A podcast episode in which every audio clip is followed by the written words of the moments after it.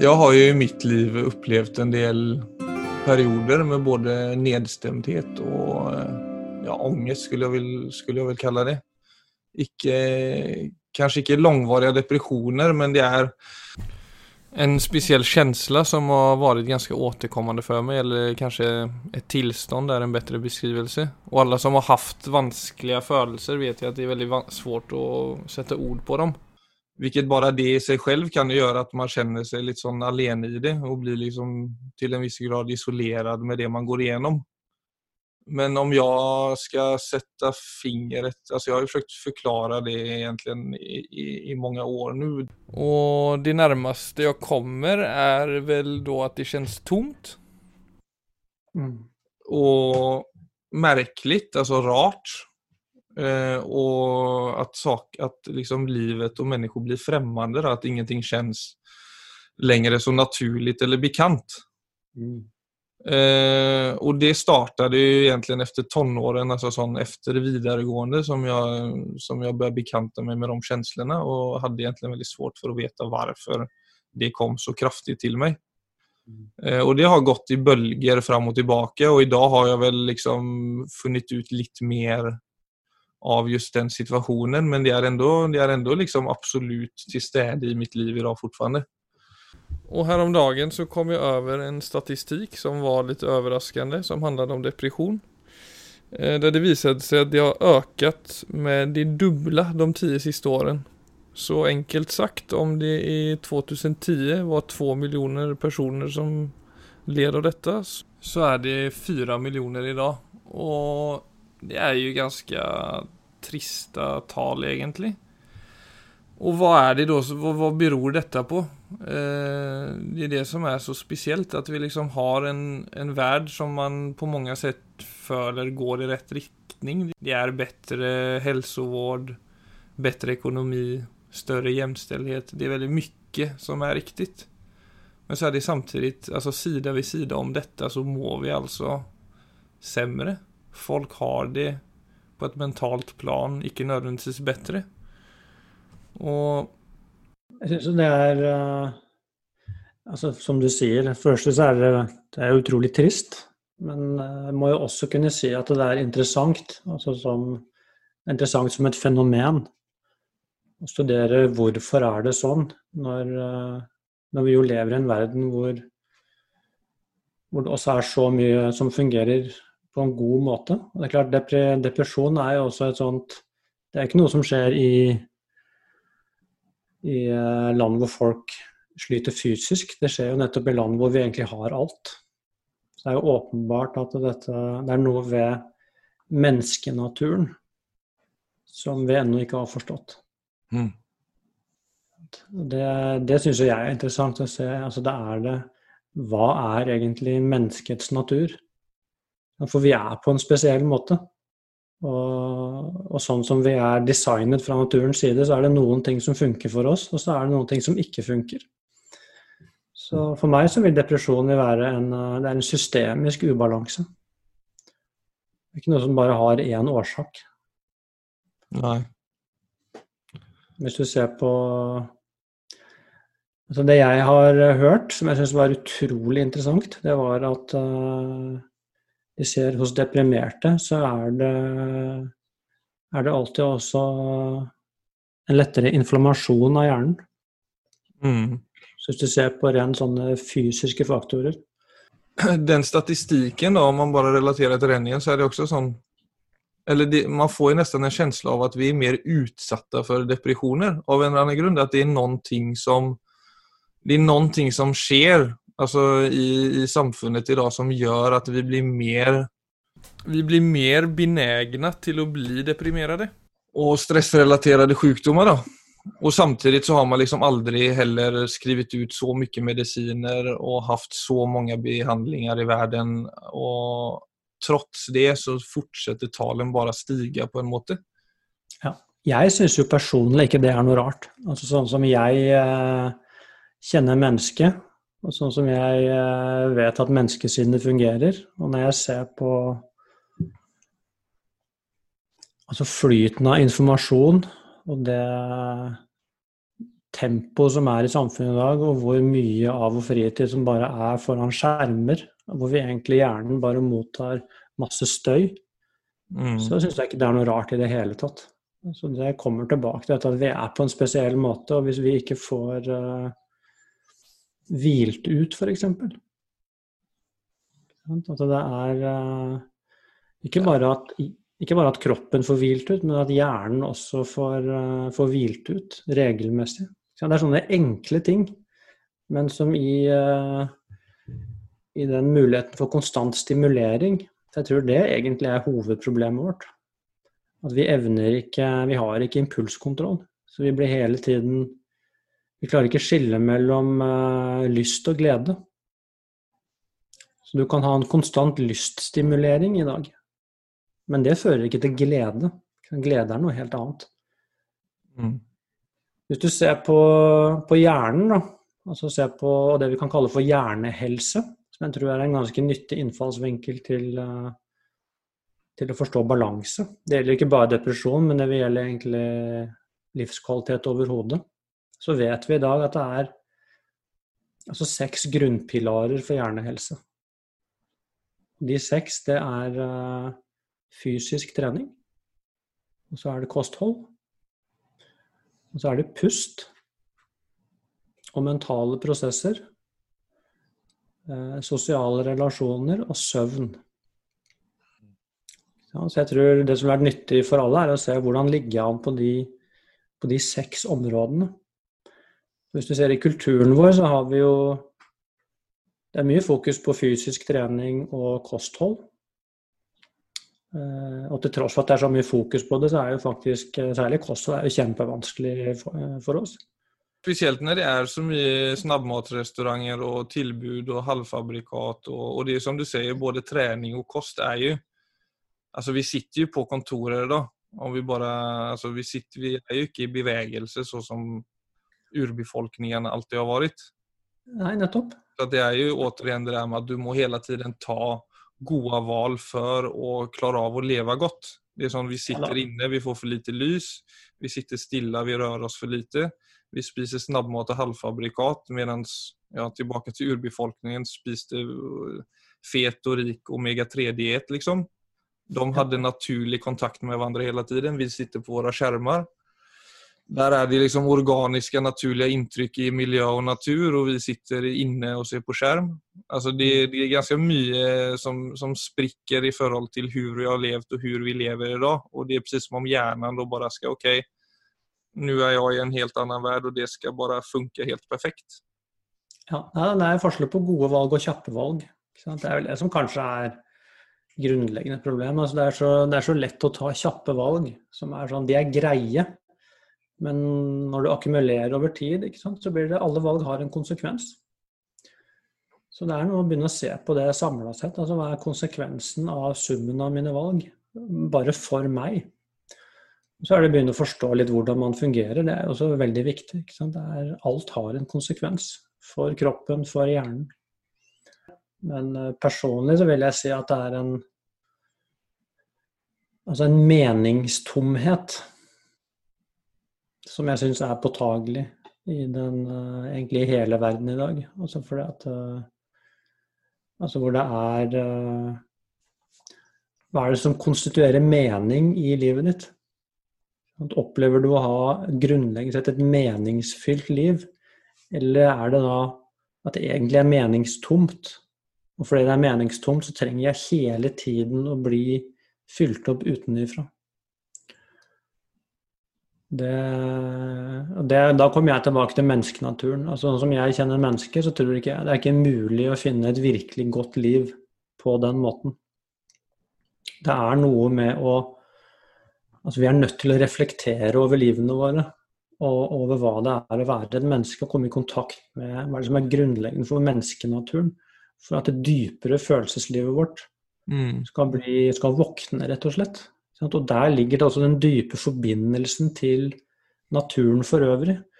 Når, å, når den forbindelsen åpner seg, så vil jeg påstå at depresjon er umulig. Du kan være sliten, ja, men ikke deprimert. Så for meg så er depresjon er noe med en sånn grunnleggende meningsfylden er blitt borte. Og da blir det tomt. Og da er Hva lever jeg for da, egentlig? Det blir akkurat som bare det å holde kroppen oppreist blir tungt.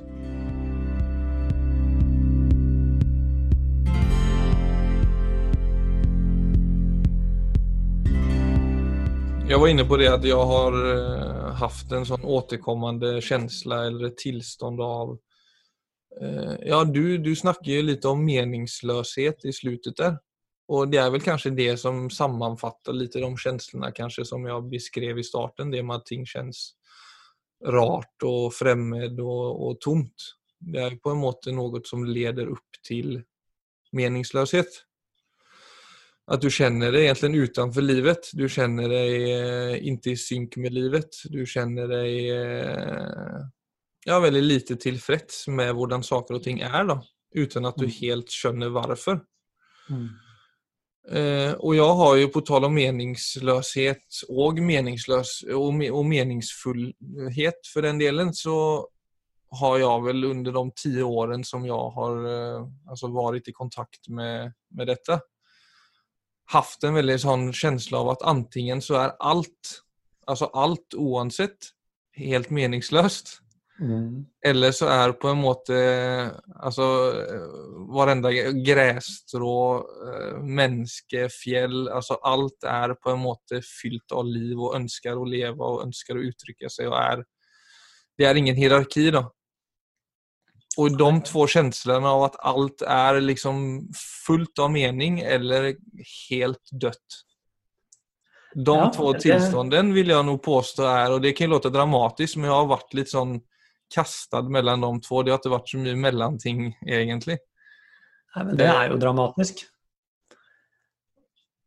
Men jeg vil jo si at det er en veldig potent tilstand. Personlig så vil jeg tenkt hvis noen eh, kommer til meg og er der, så blir jeg, da tenker jeg ok, her er det muligheter. For at det er uh,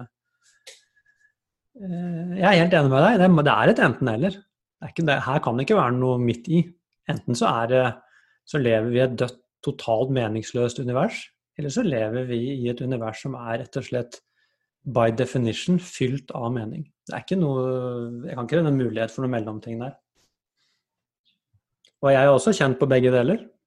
Så jeg vet veldig godt For det var meningsløshet som, som jo spora meg til å dra til India og altså begynne å søke i det hele tatt. Og de har snudd trill rundt. Så I så lever jeg i et absolutt en absolutt meningsfylde Nei, for det er det, det der med at jeg har hatt et på, på ytan egentlig et helt perfekt liv, vil jeg si. Altså perfekt ut ifra hva man i samfunnet måler som perfekt. da. Ja, ja, ja. Alt av venner, masse oppmerksomhet. Ja, jeg ble modell, som jeg var inne på tidligere. Var veldig god i fotball. Hadde egentlig altså Du kan på en måte ikke tenke deg at han kan få et tilstand av meningsløshet. Men når jeg blir 18 år, så smeller det til som aldri før, liksom. Nettopp. Altså, du kan ikke tenke det med mindre du faktisk kjenner mennesket. For jeg vil jo tenke at du var en strålende kandidat til å få livet midt i trynet. Nettopp fordi at det funker ikke. Altså, det er først når egentlig alt det ytre er helt strålende, først da du skjønner at ja, nå er egentlig alt perfekt. Men jeg har det ikke perfekt. Så ergo så er det noe som mangler her. Hvis du lever på sultegrensen og hele tiden har et ambisjonsnivå å strekke deg mot, så fyller jo det oppmerksomheten din. Så det er først egentlig når du har nådd måla dine, at du vil komme, kunne komme i kontakt med den eksistensielle dimensjonen. Som er sånn For det spørsmålet er nødt til å komme. Det er jøss, nå skulle det vært perfekt. Men det er det jo ikke. Mm. Og da er oppmerksomheten nødt til å vende seg innover og egentlig stille spørsmålet så hva er det som mangler? Og da begynner en annen reise. Ja, for det er noe med det som du sier, å, gå rundt og leve et liv der man blir veldig fylt opp fra utsiden.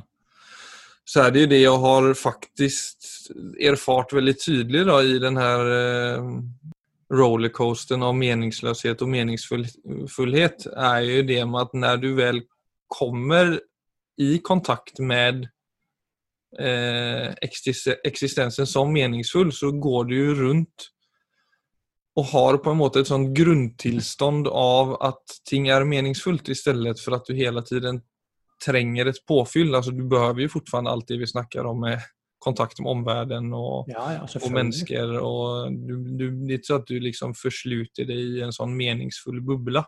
Men det er noe bare om at vi har noe grunnleggende, grunnleggende i oss som er også fylt av mening og fylt av ro. Vilket är och då förändrar ju sig plötsligt livet ganska radikalt egentlig för att du slutar söka etter bekräftelse och mening från något eller någon där ute. Men istället så ja, du har det rett og slett i deg. At det er precis som en liten sånn spark i deg som som bare får deg til å sette pris på livet uten at noe særskilt måtte skje. Akkurat det du nevner der, er vel også i, Det er vel egentlig ikke noe som er så fremtredende i kulturen vår. Ikke sant? Det er ikke noe de fleste Det er ikke noe vi lærer i oppveksten, det er ikke noe vi lærer om på skolen. Så det er på en måte en sånn så Hvis noen snakket om det er mulig å være bare full i seg selv, så vil det for mange det være en veldig, veldig fremmed tanke. Så det er på en måte veldig konkret, for det er egentlig bare hva er Det er en veldig fin ting å spørre seg selv. altså Hva er egentlig grunnfølelsen min? Altså, hva er, eh, vi har en baseline på følelseslivet vårt. Enten så er du grunnleggende påkoblet, eller så er du grunnleggende avkoblet. Så selv om eh, det skjer vanskelige ting i livet, så tar ikke det bort den grunnleggende, at du er grunnleggende påkoblet. Akkurat som det er en forankring til eksistensen som bare er der. Og som nettopp da, når, når ting blir vanskelig, så er det noe som gjør at du, du har den ekstra motstandskraften til å stå i det som er vanskelig. Men hvis du er helt avkoblet når da livet blir vanskelig, så blir det så vanvittig tungt. For det er liksom, det er liksom ingenting under der som, som driver dette framover. Så det blir eh, Så problemet blir, de blir utrolig tunge.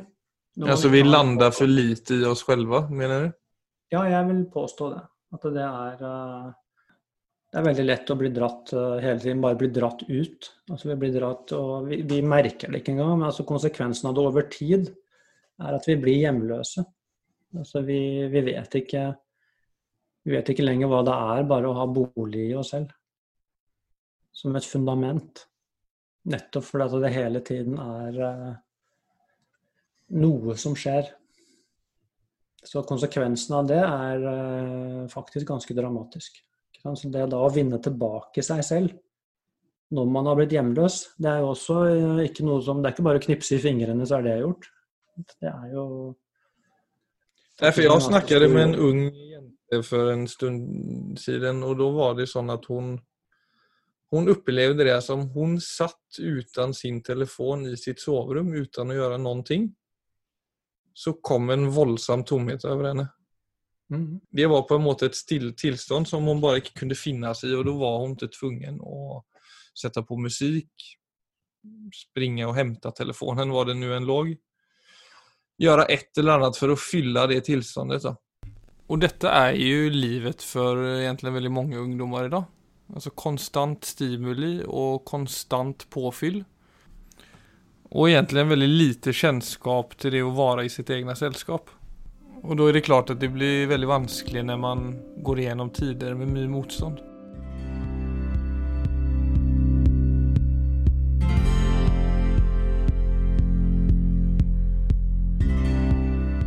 Altså, vi sitter med en bevissthet som, som, uh, som har som potensial å koble seg på livet.